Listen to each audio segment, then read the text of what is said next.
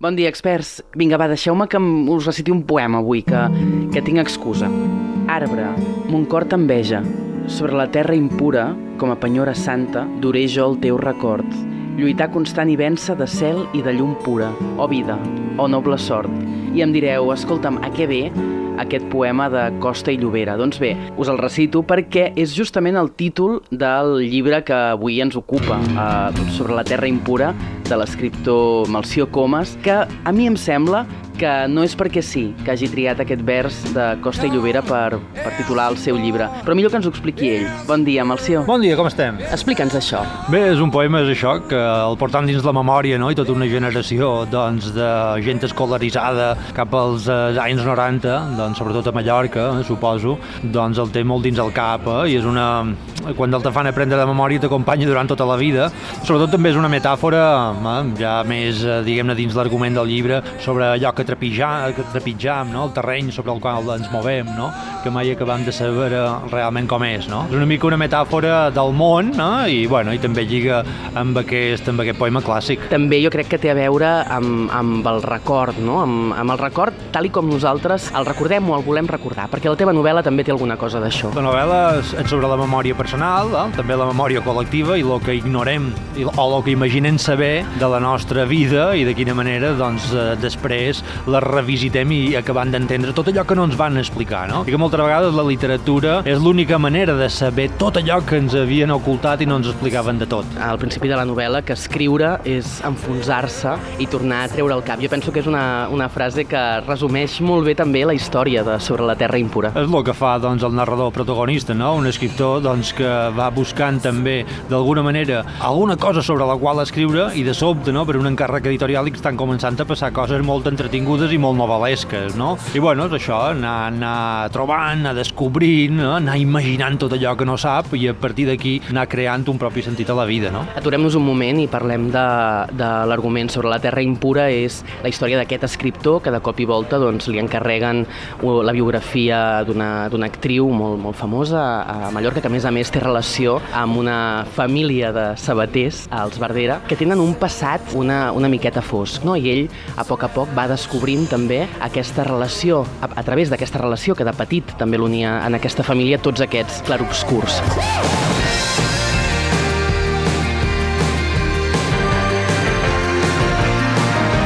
Escolta'm, jo llegia la teva novel·la i pensava què passa a Mallorca amb totes aquestes famílies, no? Sembla que les novel·les mallorquines sempre tinguin aquest punt de màfia calabresa. Bueno, no sé, pot ser sí, no?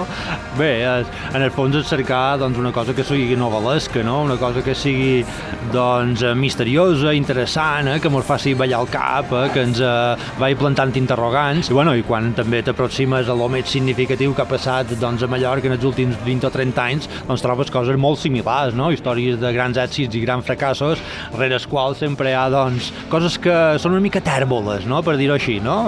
Allò que en Guillem Frontera diu allò de Sicília sense morts, no? Qui són tots aquests, no? I com s'ho fan per estar allà on estan? Bueno, és intentar esbrinar-ho, no? La teva és una novel·la de, de factura molt clàssica en molts moments, no? Però de tant en tant aquest narrador s'hi escola per plantar eh, algunes, eh, alguns interrogants o algunes maneres de, de fer sobre el fet narratiu. Com vas conjugar aquesta factura tan clàssica amb aquesta incursió una mica, diguem-ne, postmoderna, aquestes llistes que, que hi poses, eh, aquesta, aquesta apel·lació directa al, al lector? Bueno, jo crec que és una mica el, el teatre postmodern fa això, no? És un teatre molt conscient de si mateix, que elimina la quarta paret i en certa manera també donar-li al lector entendre que la novel·la és un artefacte que s'està fent davant els seus ulls, no? I que li pots explicar en tot moment doncs, com t'ho fas per narrar el que narres, com t'ho fas per imaginar allò que no saps, no? I conjecturar doncs, tot allò que se t'escapa i fer-ho present al lector, no? I és això, és una novel·la doncs, clàssica però escrita d'una manera postmoderna. Sobre la terra impura, abans parlàvem del poema de Costa i Llobera, no? l'arbre, i en aquí hi ha un altre arbre, que és la genealogia de totes dues famílies, eh? de la del narrador i de la, dels Verdera, no? de totes aquestes ramificacions que van enrere i que en un punt eh, s'uneixen. I a mi, començant a llegir, pensava, ostres, el narrador és algú que d'entrada està molt desvinculat no? de, de la família, llavors eh, es capbussa en, en aquests Verdera i d'alguna manera aquesta relació amb els Verdera també el porta a connectar-se amb, amb la seva pròpia família, oi? Bueno, ho has dit tot tu, no? és, és, és una història sobre qui som i per què som com som, no? I ben bé tu no ho acabes d'entendre fins que no acabes d'entendre els teus pares, no? I quan descobreixes la vinculació i la història doncs, que coneixies entre aquesta família i la teva pròpia família, és quan la novel·la doncs, agafa doncs, un sentit afegit, no? Aquesta biografia acabes d'entendre per què el teu pare és com és i per què ha fet tot el que ha fet durant tota la vida, no? I el seu tarannà. I això també explica el teu propi tarannà, no? Perquè és, és allà on tu has begut doncs, la teva manera de relacionar-te, la teva manera de valorar, no? El teu caràcter, etc. no? I el futur se configura Veig els cràters de la lluna by Jiggery Closing Gravits. Um, Melció, nosaltres sempre demanem a la gent a qui entrevistem que ens recomani dos llibres que hagin estat importants per ell, bé mentre escrivien, durant la seva vida. A la teva novel·la, precisament, uh, hi ha moltes uh, referències literàries no? que van sortint ara i adés, però quins llibres ens recomanaries tu? Uh, bueno, hi ha una gran novel·la sobre amistat entre homes, uh, que és uh, En lloc segur d'en Wallace Stegner, no?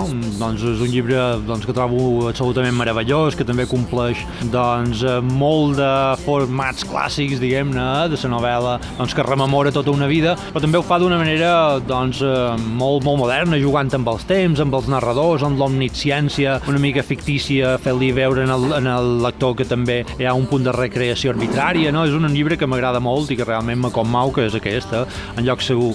I després una novel·la que per jo és eh, doncs, eh, la novel·la mare d'aquesta novel·la meva és La pastoral americana de Philip Roth, no? que doncs, és una novel·la també sobre una família, sobre uns industrials, no? sobre uns empresaris i com aquests doncs, varen haver de lluitar eh, per sobreviure durant uns anys convulsos, en aquests anys eren els anys a final dels 60, no?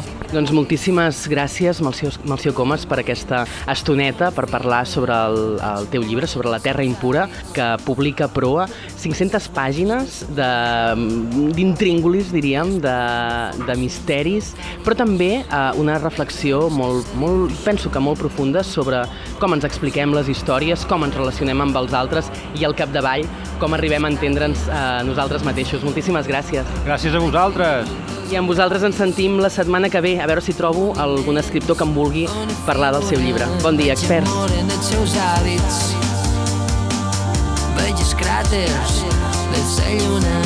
Els experts, amb Emily Dickinson i Emily Bronte.